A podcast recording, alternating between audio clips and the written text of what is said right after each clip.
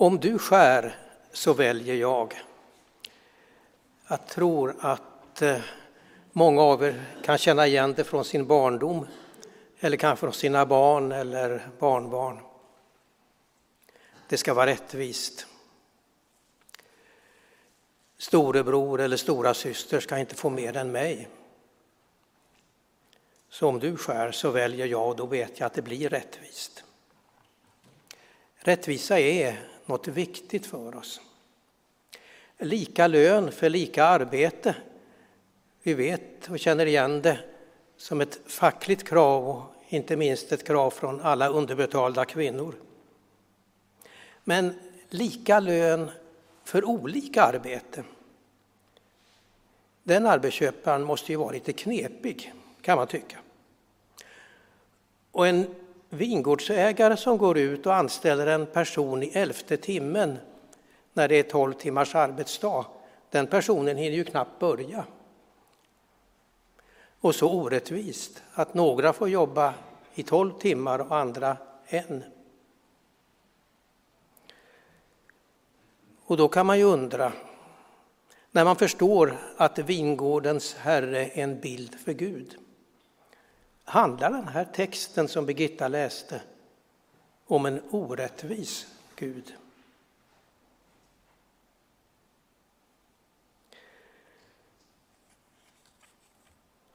Texten Birgitta läste kan ju skava en del.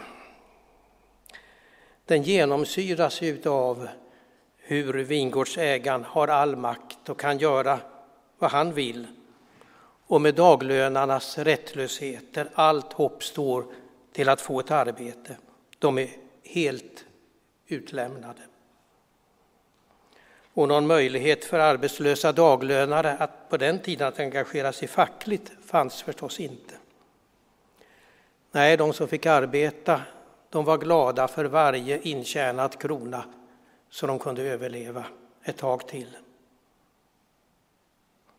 De förväntades vara tacksamma mot den som lejde dem. Men även om de som stod där och lyssnade på Jesus kunde känna igen sig, så här var det ju. När någon behövde säsongsarbetare som under den korta period, intensiva period, när vindruvorna skulle skördas innan regnet kom, ja då kunde man gå till byns torg, för där fanns de, de här arbetslösa, de som var beroende av tillfälliga arbeten. Men eh, en så korkad vingårdsägare som den som Jesus berättar om, det är klart att de hajar till. Och så är det väl ofta med Jesu liknelser. Att han berättar något som är så orimligt så man måste tänka, vad säger karln egentligen? Och kanske det måste vara så. För det Jesus säger att han ska förklara det är ju vad himmelriket är för något. Och hur ska man kunna förklara något som ligger utanför vår fattningsförmåga, hela vår begreppsvärld, som det inte finns ord för att förklara, inte ord för att förstå. Ja, vad är himmelriket? Ja, det kan nog behövas liknelser när man ska förklara det som inte går att förklara. Förstod då de som lyssnade? Ja, de kunde ju förstå hela den värld som finns och som är, liksom, det är grunden för hur Jesus kan skildra det som hände. Även om den för oss kan vara svår att ta till sig för den är så fruktansvärt orättvis ur ett annat perspektiv. Men himmelriket, Guds rike, ja vi vet att många då tänkte att Guds rike det är Israels rike. Det är det återupprättade Israel. Man väntade en Messias som skulle driva ut ockupationsmakten, det vill säga romarna. Och det fanns nog säkert de som tänkte och väntade sig att Jesus var den här utlovade Messias som skulle ställa sig framför en här som skulle befria Israel. Och de måste ha blivit grymt besvikna när det visade sig att Jesus dog på ett kors. Att det var slutet. Obegripligt. Guds rike var inte av denna världen som Jesus försökte förklara. Men man kunde också sätta in förstås himmelriket i hela den världsbild som man då hade. Där man tänkte sig tillvaron i tidsåldrar och där det skulle komma en ny tid. En tid när allt är avslöjat. Apokalypsen med ett vackert och fint grekiskt ord. När vi kommer att se världen ur Guds perspektiv och när det onda är besegrat. Och det fanns en förväntan om att Guds ingripande, hans nyskapande skulle ske i närtid. Att det skulle komma en helt annan värld istället för den man levde i. Morden till de två lärjungarna Jakob och Johannes, de som ibland omtalas som Sebedaios söner. I det som direkt följer vår text, då fortsätter Jesus och hans lärjungar och de som följde honom att vandra upp mot Jerusalem. Och hon böjer knä inför Jesus och säger vördsamt Lova mig att mina båda söner får sitta bredvid dig i ditt rike, den ene till höger och den andra till vänster. En omtänksam moder kan man ju tycka. Möjligtvis var det inte alls hon utan lärjungarna själva som frågar om detta. Så framställs det i Markus evangelium och det må hända lite troligare. Men poängen med detta är ju att det här var en levande världsbild. Det skulle komma en ny tid där Jesus skulle sitta där tydligt på tronen och det var ju väldigt fint att få sitta på höger och vänster sida. Och Jesus förklarar för lärjungarna, ni har ju inte förstått någonting. Nu har det gått 2000 år sedan dess och kanske vi har lite lättare att förstå. För någon ny tidsålder som man hoppades då skulle ske kanske innan alla de som levde på Jesu tid hade dött, den kom ju inte. Och kanske vi kan börja ana vad är det Jesus egentligen säger. Att Guds rike kanske är någonting helt annat än något väldigt påtagligt rike som man kan se på och ta på.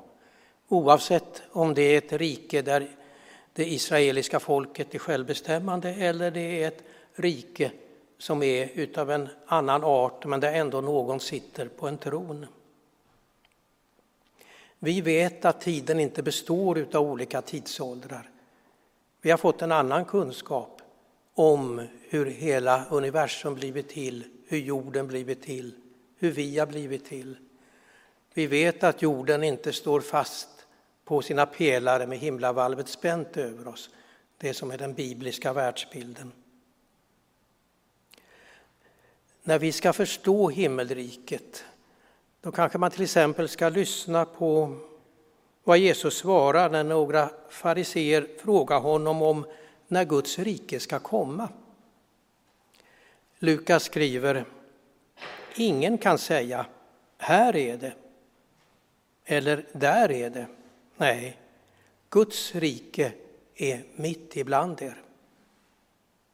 Eller inom er som det står i Bibelkonventionens översättning. Och jag tror att det egentligen är inte så stor skillnad mellan detta.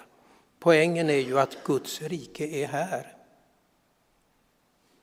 Och hur förstår vi det? Mina tankar går till igår Förintelsens minnesdag som också sedan mer än 20 år tillbaka varit att vi har hedrat Raoul Wallenbergs minne. Raoul Wallenberg som ju föddes här på Lidingö. Och ledorden i talet både uppe vid Raoul Wallenberg-statyn uppe i Raoul Wallenberg-parken här intill och vid den fortsättningen i Stadshuset, det var medmänsklighet och mod. Och I den andan delades det ut tre priser. En gick till eleverna i eh, låg och mellanstadiet i Bo skola för att de nu i flera år i rad har samlat in julklappar som de har samlat in, som de har slagit in och som sedan har transporterats till Ukraina för att kunna delas ut bland barn där. Ett annat gick till elevrådsordföranden i Käppala för att han så konsekvent har stått emot mobbing och försökt att visa att vad är det att vara en god kamrat? Och det tredje priset gick till en elev som när det hade hänt en olycka inte tittade bort som de alla de andra, utan gick fram. Ungefär som den barmhärtige samarien och tog hand om den som hade drabbats.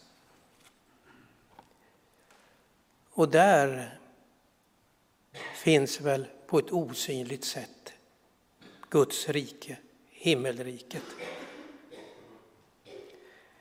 Björn Wiman, DNs kulturchef, beskriver detta på ett fint sätt tycker jag i gårdagens DN där han tar en start i både hur Noas till synes hopplösa företag att rädda åtminstone något från den stora översvämningen och några unga judinnor i andra världskrigets Polen som ändå försöker mitt i det hopplösa. Och Björn Wiman skriver att Noa tog ansvar för världen. Ett ansvar som i denna berättelses efterföljd bör förstås inte bara som en plikt utan också som ett privilegium. Att ta ansvar är att svara an på en kallelse. Ett symptom på tillhörighet i en tid då allt fler upplever hur världen töms på mening. Insikten att människan är Guds medhjälpare i skapelsen och därför är inbjuden att ta ansvar. Att tillhöra, att vara medhjälpare, insatt i ett stort sammanhang, insatt i Guds rike. Att få bli lejd för himmelriket är ju en gåva. Där finns ingen som är duktigare. Där finns ingen hierarki.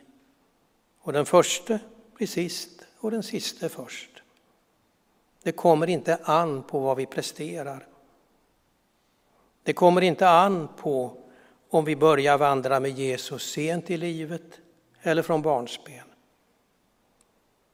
När vi står i kärlekens tjänst finns inte att någon är duktigare, att någon kan mer, tror mer, lyckas bättre.